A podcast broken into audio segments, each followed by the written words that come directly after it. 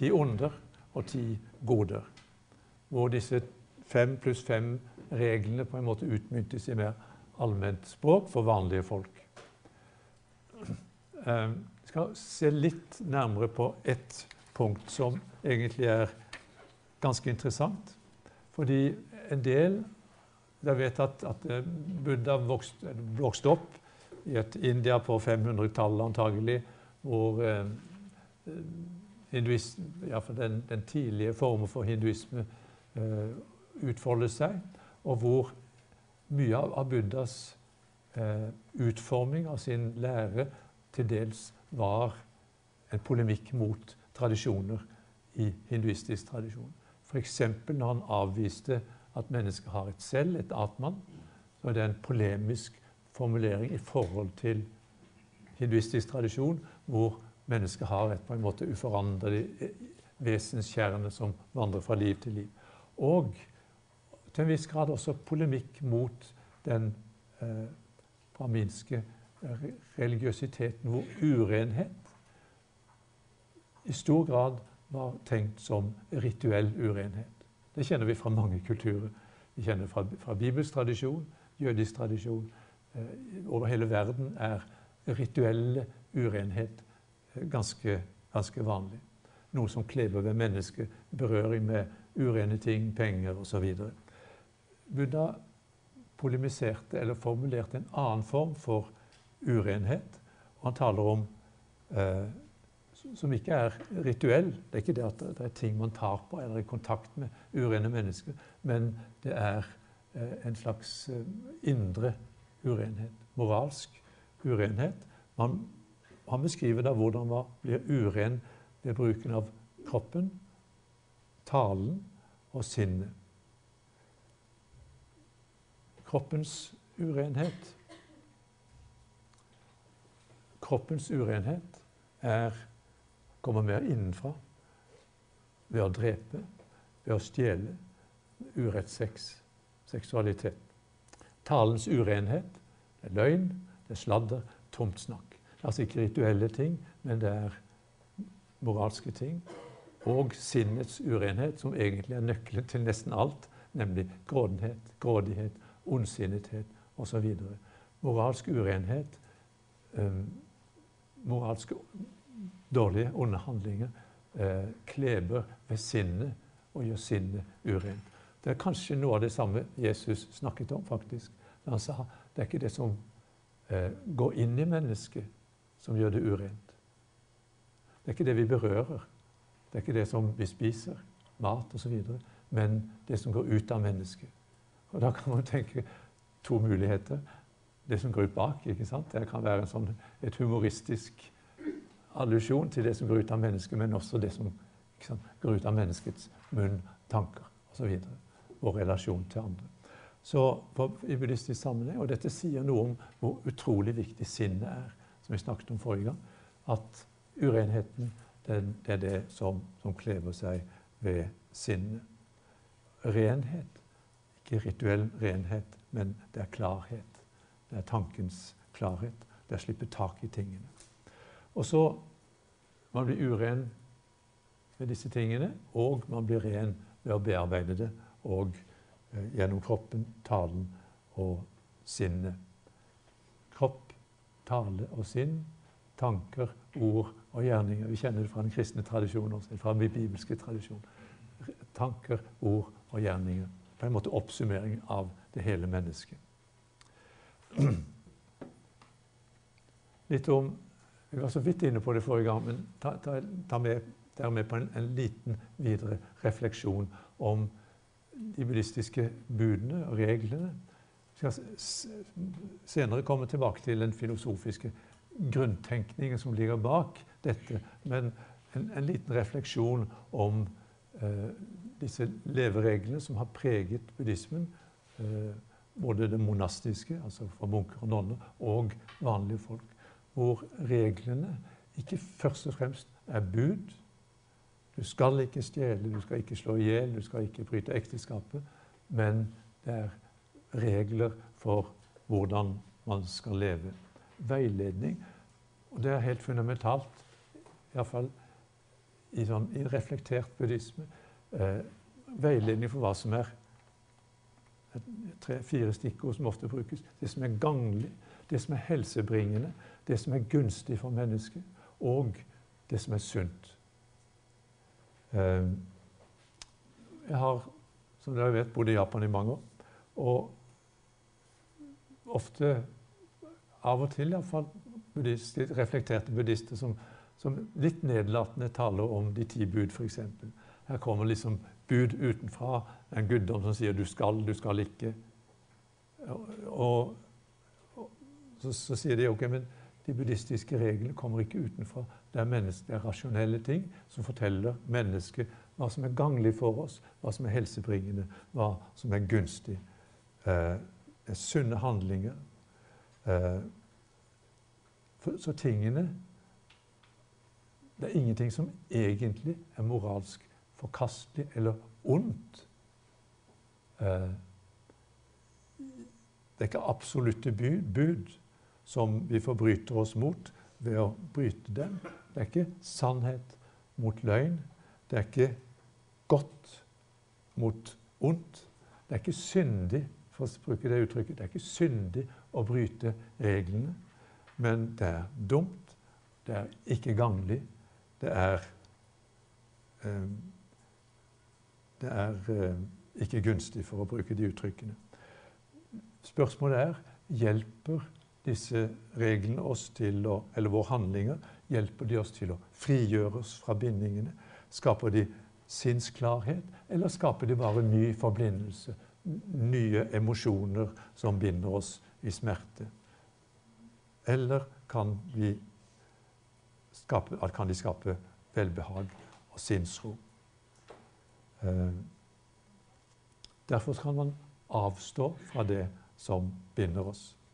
Det som skaper smerte, ved å slippe tak i tingene.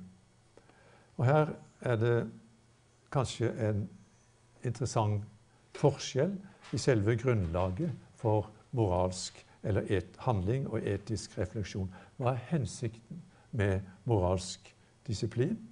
Hvorfor skal man handle på den måten og ikke den måten? Eh, så karma, Vi har snakket om karma tidligere. Handlingen og handlingenes konsekvenser. Karma er ikke synd, synd eller syndige handlinger som skaper brudd i relasjoner, og som krever et oppgjør, som krever tilgivelse og forsoning. Karma kan ikke tilgis. Et, en synd kan man bekjenne til et annet menneske, til Gud, og få tilgivelse, og den, de brutte relasjonene gjenopprettes. Karma er ikke skyld i forhold til mennesker eller i forhold til Gud, men karma har konsekvenser. Hvordan kan man frigjøre seg fra karma? Jo, karma må bearbeides.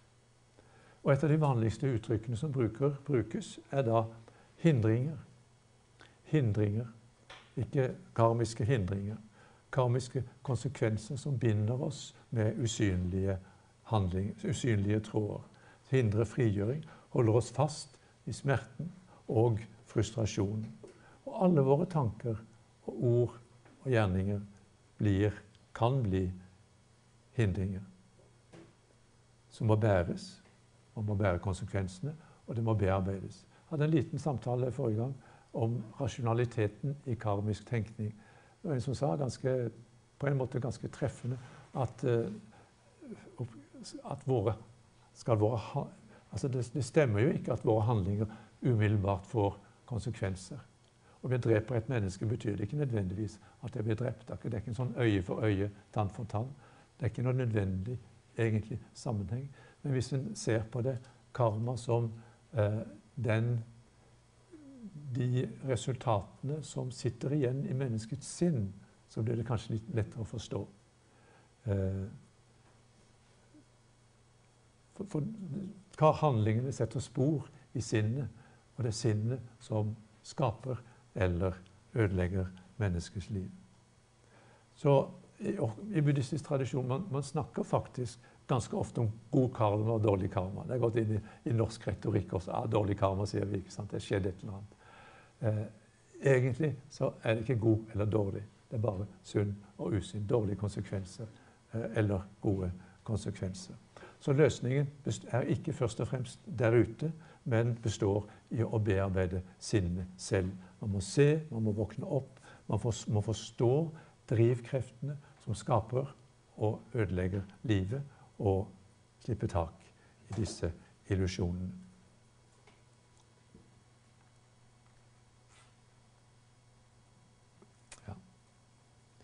Eh, så da kan man, nå, nå setter jeg det veldig på spissen. Eh, buddhistisk moral eh, er først og fremst Det har masse konsekvenser som vi kan komme tilbake til, men rettet mot sinnet og menneskets foredling. Det er regler for hvordan menneskesinnet kan foredles. Mens de bibelske etikk, budene, setter det på spissen, først og fremst er rettet mot samfunnet, mot de andre. At budene har vi ikke først og fremst for å foredle mitt sinn, selv om det hører med, men de er der for de andres skyld. For å beskytte de andre. Du skal ikke slå i hjel. Det handler om meg, men det er en vern for de andre. Mer utadrettet. Skal ikke bryte ekteskapet. Det er ikke først og fremst min moralske renhet det handler om, men det handler om det andre mennesket som faktisk trenger min beskyttelse. Kanskje mot mine, mine, mitt begjær og min grådighet. Uh, så dette kan selvfølgelig diskuteres, men iallfall det som ligger i, i, i, mye av dette buddhistiske, er jo at med sinnet som står sentralt, så dreier det seg veldig stor utstrekning om sinnelagsetikk. Eh, og man kan jo Det er mye kristen sinnelagsetikk også. Det ligger en enorm sånn eh, drivkraft. Men kanskje man kan si For i, i buddhismen er intensjonen så avgjørende handlingens intensjon som nesten blir viktigere enn handlingen selv. Fordi intensjonen skaper sinnet, former sinnet.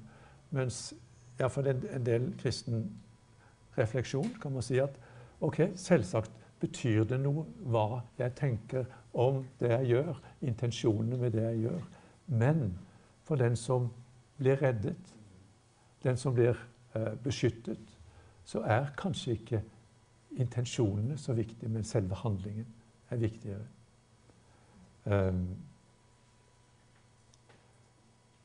om jeg gir mat til en som sulter ok, det, Min intensjon iallfall i, i møtet kan, kan, skape noe hos den andre. Det er, det er, ikke, til, det er ikke, likegyldig vi, hvordan vi gir en gave. Men for, for, mange som mottar hjelp, kan det være revne likegyldig om man har gode eller dårlige intensjoner. Det viktigste er den maten de får, den hjelpen de får. Ja, du hadde en kommentar. Det, det, er interessant, men det, det, som på mange måter blir en utfordring her, da, det er jo det at i den buddhistiske tradisjonen så kreves det jo på mange måter at du har et, et ganske grundig tankesett. Mens det andre er jo, hvis du bruker da Søren Kirkegårds forhold til uh, bibelsk etikk, hvor han sier at uh, ja, det er mange ting du kan gjøre, men det, du gjør det som sagt av spissborgerlige grunner. At du gjør det fordi at det er forventet av deg. Ja. Men, ikke, men, du trenger ikke tenke over det hvis du vet at du ikke skal. Nei. Ja, nei, det er riktig. Jeg vet ikke om dere hørte det. Eh, men altså um, Ok, dette, dette, dette, krever i buddhistisk tradisjon krever en del filosofisk forståelse.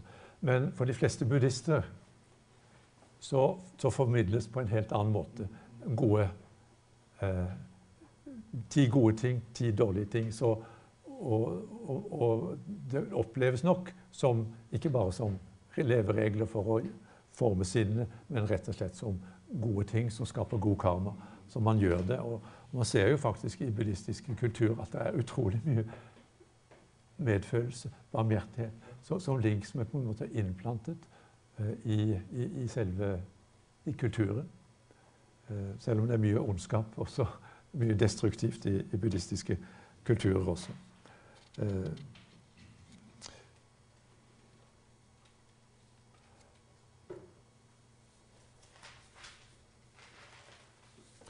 Men altså det sier litt om, om en, en, tendens i buddhistisk eh, etisk refleksjon.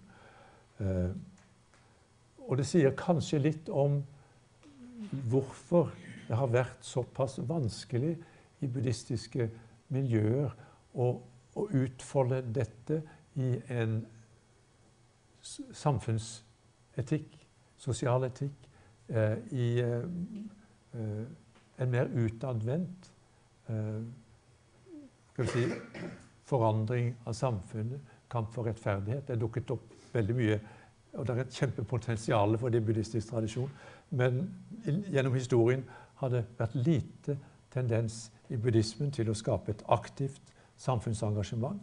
En sosial etikk som er rettet mot samfunn for å forandre samfunnet og skape rettferdighet og en kritisk samfunns, eh, kritikk av samfunnsinstitusjoner. Når jeg sier dette, så må jeg samtidig si at det har selvfølgelig vært gjennom historien buddhistiske eh, herskere f.eks. som med stor toleranse har vært med på å skape et godt samfunn. Jeg nevnte Ashoka, den store keiseren på eh, annet 200-tallet før Kristus, som laget faktisk et, et toleranseedikt. Han var selv buddhist. Han vraket krigen og skapte et toleranseedikt.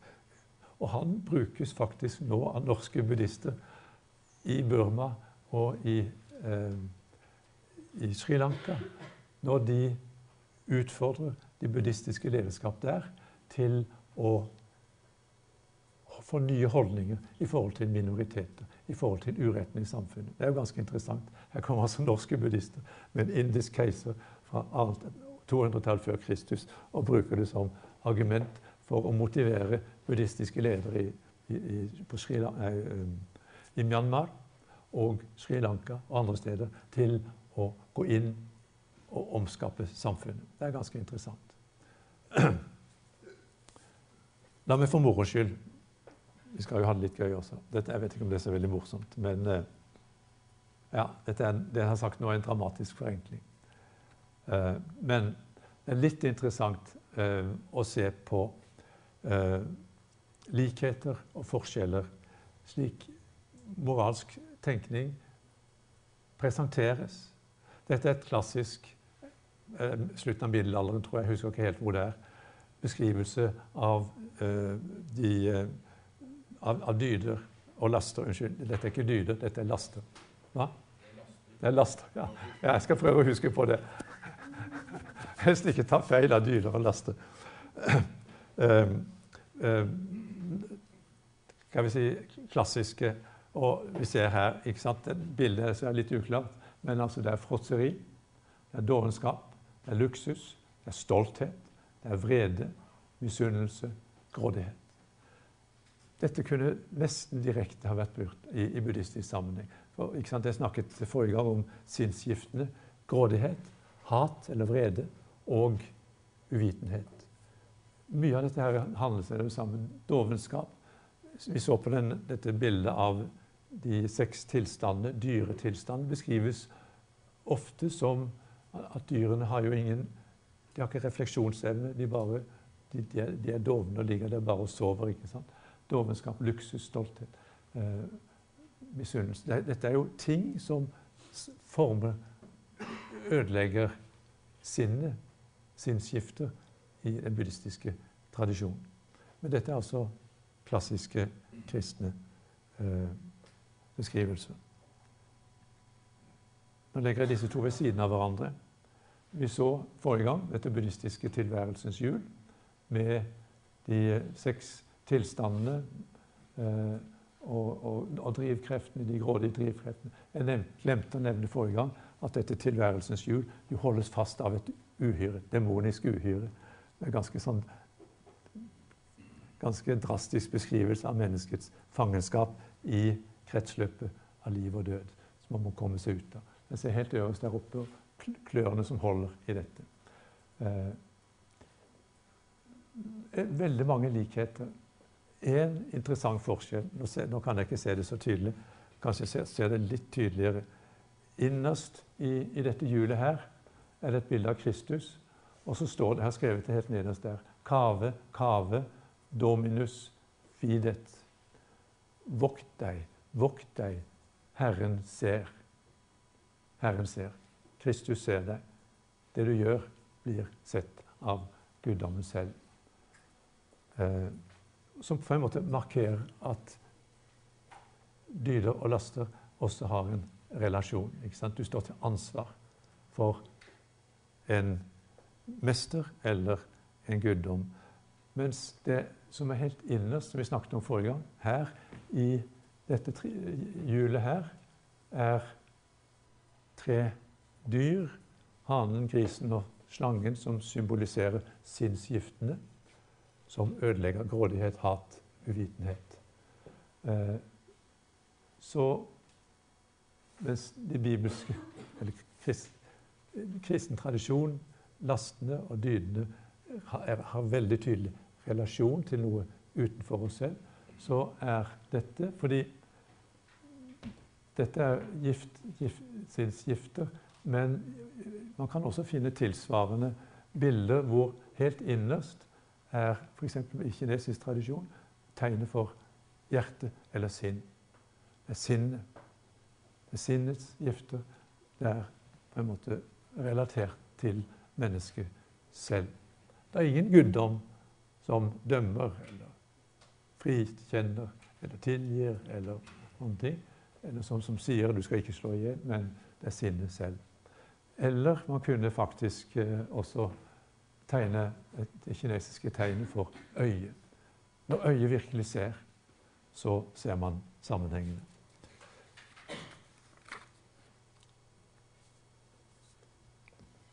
Og bare kommentere hvis dere har spørsmål. Hvis jeg syns det blir for forenklet, eller hvis det er utydelig, så går det an å spørre. Ja? Eh, det er det faktisk. Men akkurat disse tingene her er på en måte grunnleggende. Man vil finne det. Ok, Dette er en tibetansk tradisjon. Eh, har, altså jeg, jeg, tror ikke på Sri Lanka f.eks. at du finner, finner, denne type bilder. Men den tenkningen som ligger til grunn, er helt det samme. Veldig grunnleggende. Det utfoldes på forskjellige måter. I religiøsiteten, i den filosofiske tenkningen, utfoldes det ganske forskjellig. Men grunntanken er helt grunnleggende felles. Det tror jeg uten Jeg tror ikke mange buddhister som vil, vil protestere på det.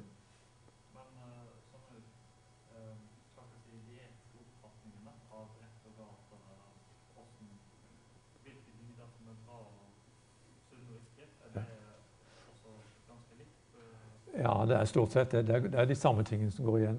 Hvis man leser eh, Buddhas taler, eller Dalai Lama, for å si det sånn, eller Thich Nhat Han, så ser man at alle faktisk bruker de samme, de tre, samme tre sinnsgiftene. Og det er klart det kan, kan, Man kan bruke andre ord. Man kunne bruke denne eh, middelalder med, med, med lastene. Eh, og det er klart det er et stort spektrum av eh, av, av, av, dyder og laster som kan, det kan beskrive på forskjellige måter. Men hovedanliggende, spørsmålet hva som er ganglig og ikke ganglig, er det som binder mennesket, som skaper lidenskaper, som skaper begjær, som skaper grådighet, som forviller oss og gjør, skaper smerte.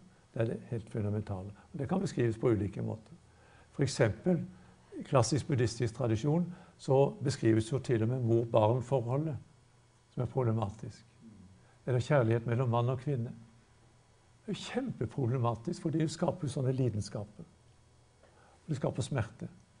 Når barnet dør, ikke sant? Eller, det er jo et av de store menneskelige problemene. Og, og, det kan av og til beskrives i klassisk buddhisme som at man skal på en måte selv, en mor skal distansere seg litt fra sitt barn.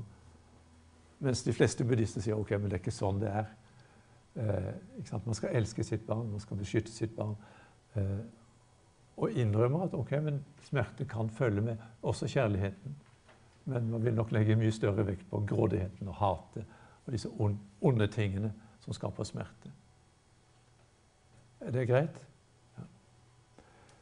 Um, hadde vi hatt tid, så kunne vi ha Unnskyld, monastisk disiplin. Ja. Eh, hvis vi hadde hatt tid, så ville jeg sagt litt om Det var en som spurte om det etterpå. Hva gjør man hvilken botsinstitusjon. Hvordan kan man gjøre bot i buddhistisk tradisjon? En, manns, en, en munk, særlig i munkesamfunnet, som har forbrutt seg. f.eks. noe av det mest alvorlige, en munk som da har et seksuelt forhold til en kvinne. Hva gjør man? Munken kan jo ikke komme og bekjenne sine synder og be om forlatelse. Altså. Eh, den strengeste institusjonen, strengeste sanksjonen mot urette handlinger i buddhistisk tradisjon, det er utstøtelse fra munkesamfunnet.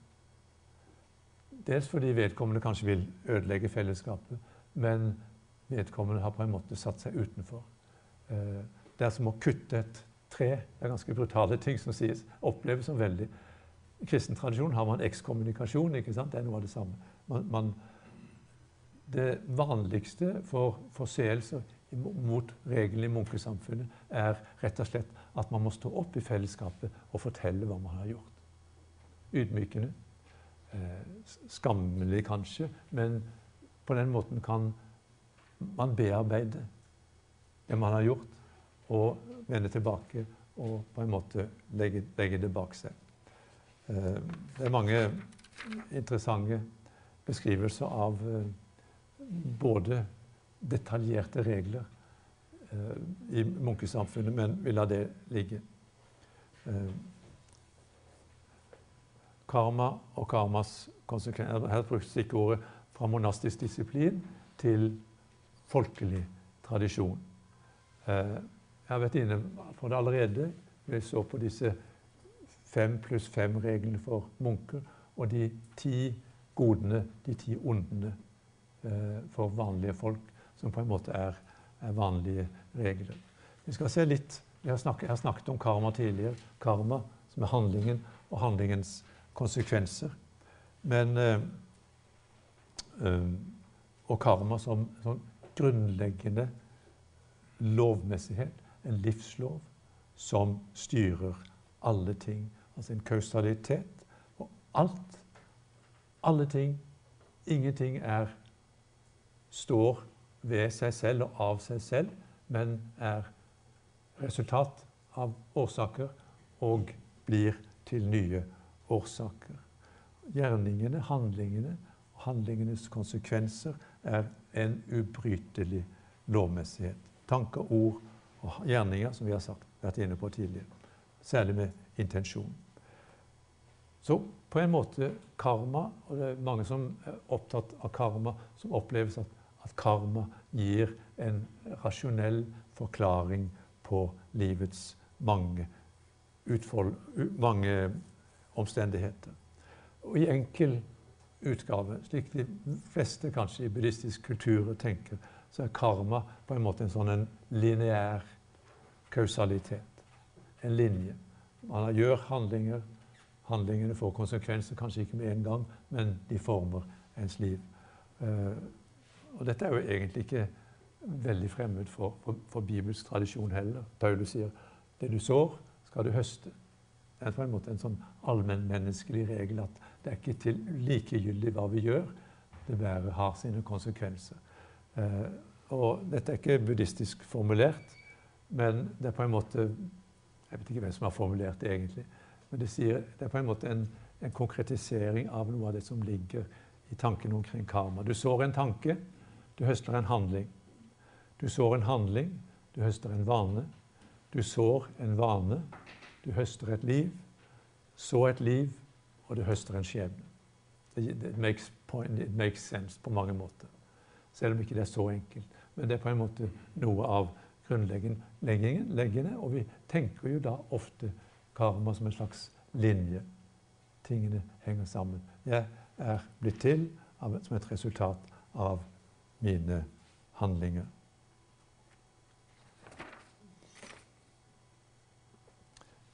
Hvordan fungerer dette?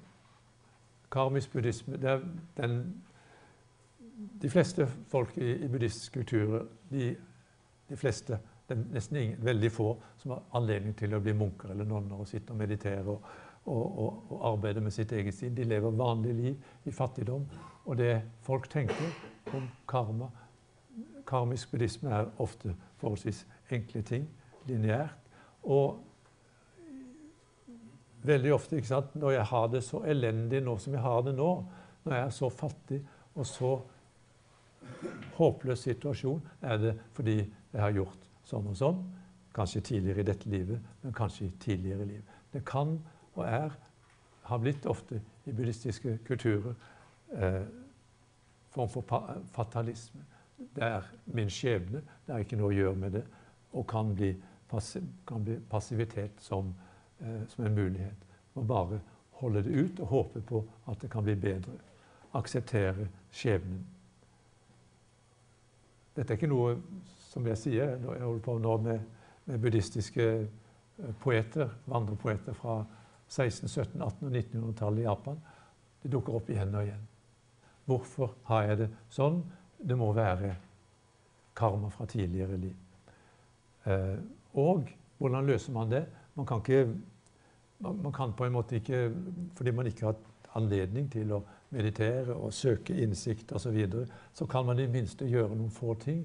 Man gjør gode handlinger for at man kanskje i neste liv skal få det litt bedre. Man gir gaver til tempelet. Man eh, går til tempelet på visse tider. Man gjør en del ting. Eh, man gir mat til munkene.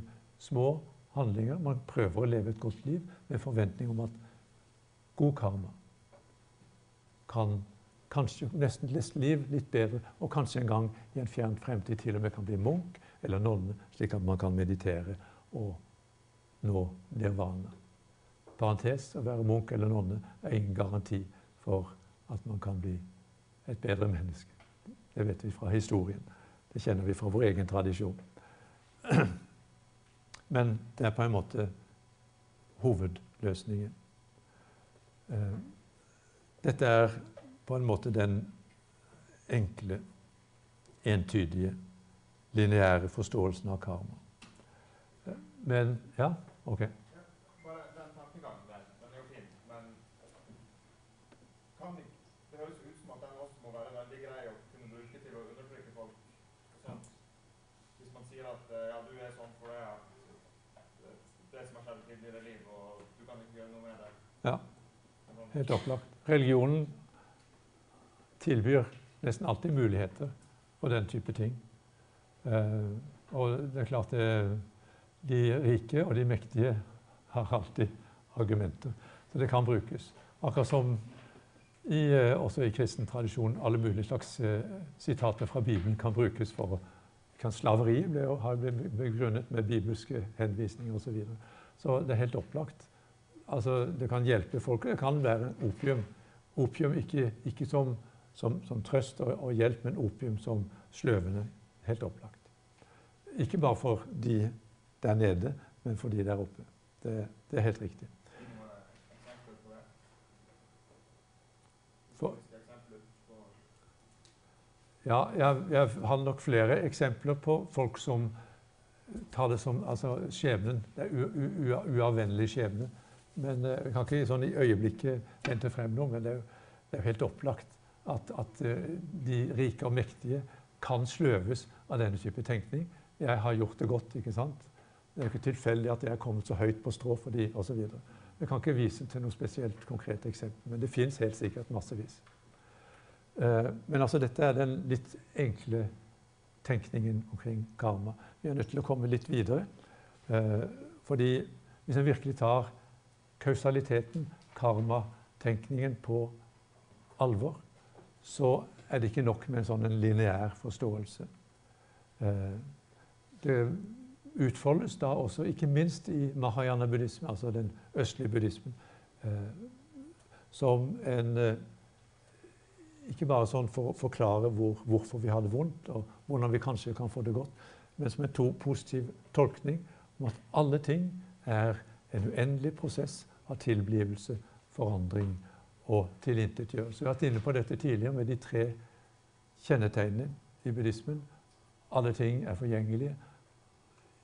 Eh, ingenting har en uforanderlig kjerne, og alle ting er smerte. Smertefull, forbundet med smerte.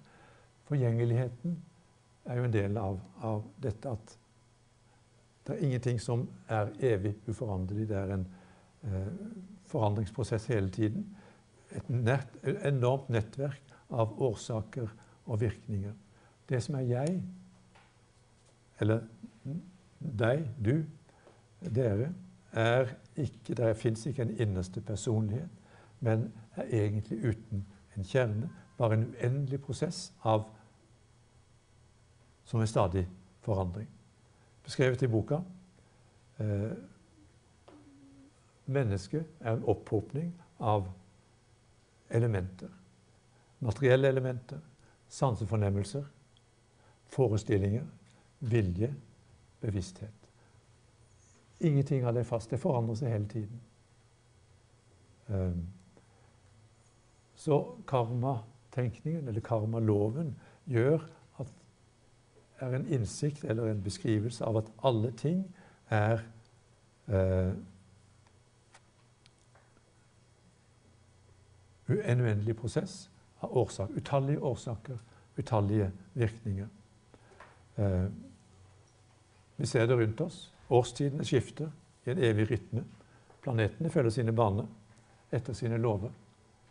Alt liv blir til, det vokser, det utvikler seg, forsvinner igjen.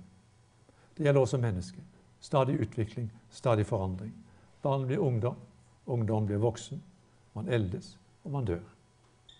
Et menneske som var barn for 10 år siden, for 20 år siden, 30 år siden, er blitt noe helt annet enn det det var.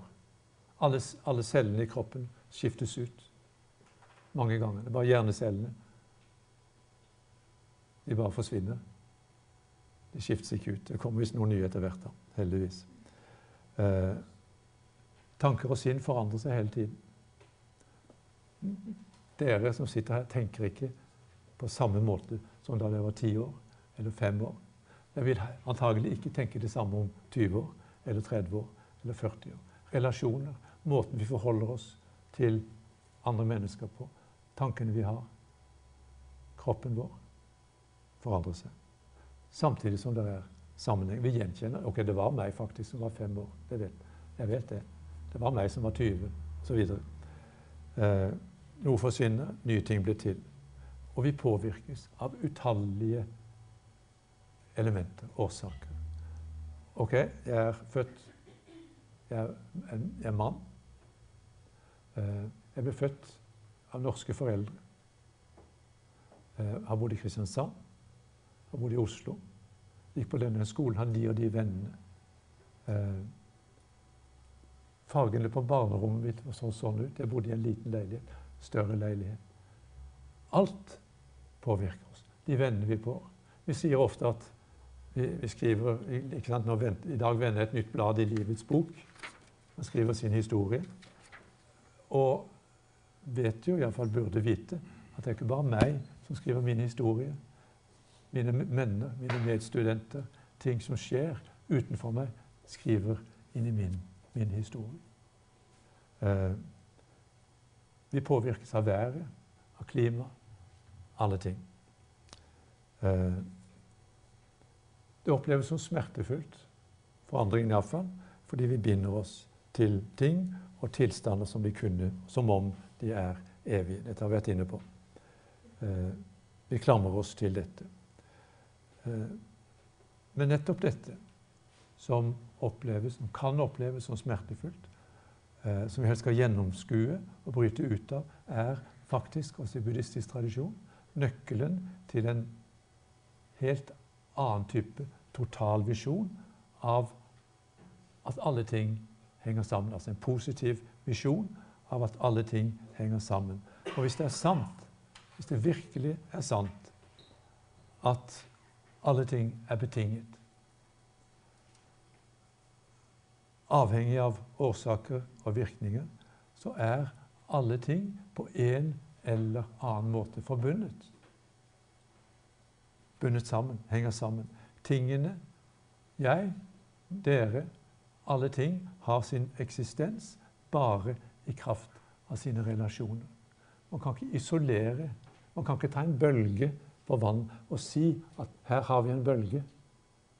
Bølgen er bare i kraft av alt det andre. Man kan ikke ta et nett fra et fiskegarn eller et stort nett, klippe ut og si 'her har vi et nett'. En maske. En maske er en maske i et nett bare i kraft av sammenhengen. Alle ting henger sammen.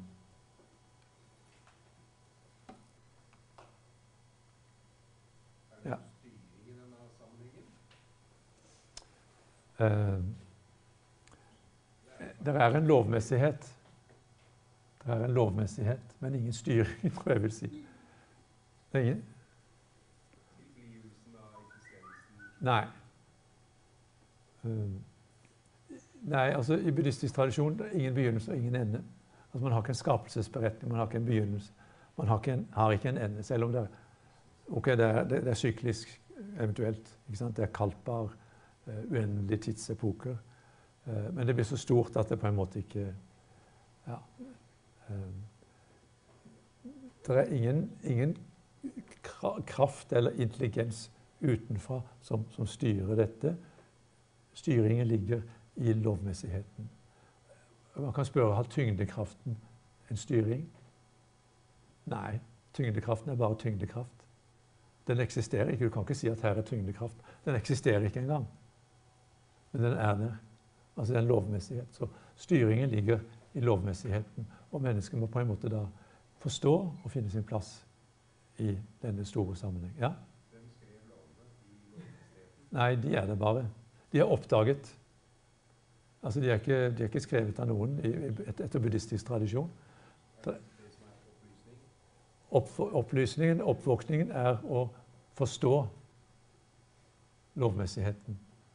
Innse sammenhengene, innse eh, kausaliteten og handle deretter. Så ja, altså Det er ingen guddom eller skal vi si, uh, divine intelligence i buddhistisk tradisjon. Det er bare sånn det er. Og, og visdommen er jo faktisk da å, å, å, våkne opp og se det ganske enkle at sånn er det. Jeg har jo lest at uh, ignorance er den som ikke anser at det er noe i verden Okay.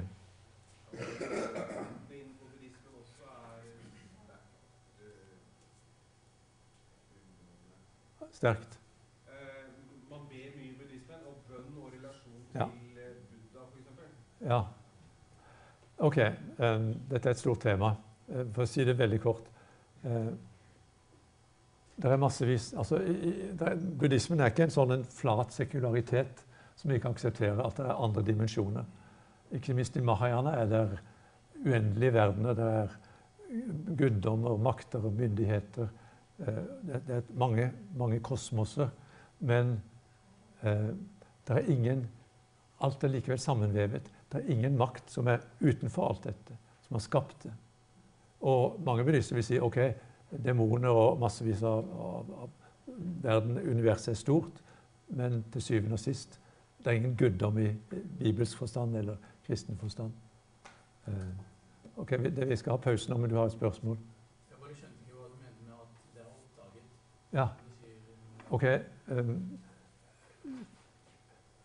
hvem var det som uh, så at eplet falt? Altså Var det Newton? Oppdaget tyngdeloven. Alle visste at ting faller.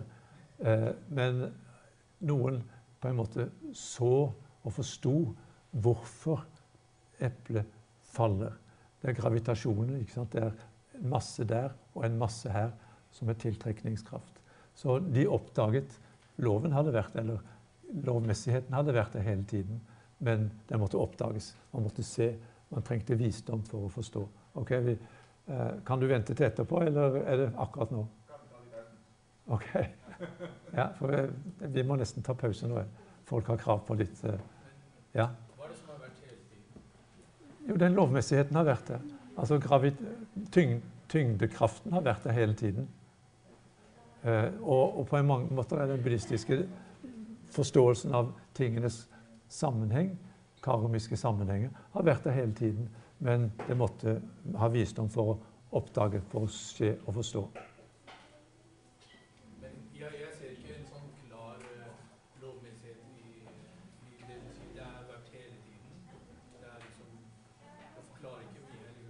Nei, det, det, ut, det kan, mennesket selv må utmynte regler, men grunnleggende kausaliteten er der, etter buddhistisk tradisjon.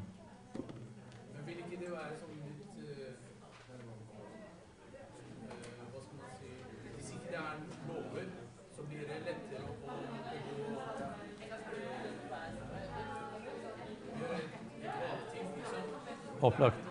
Vi tar det i pausen i TV-en.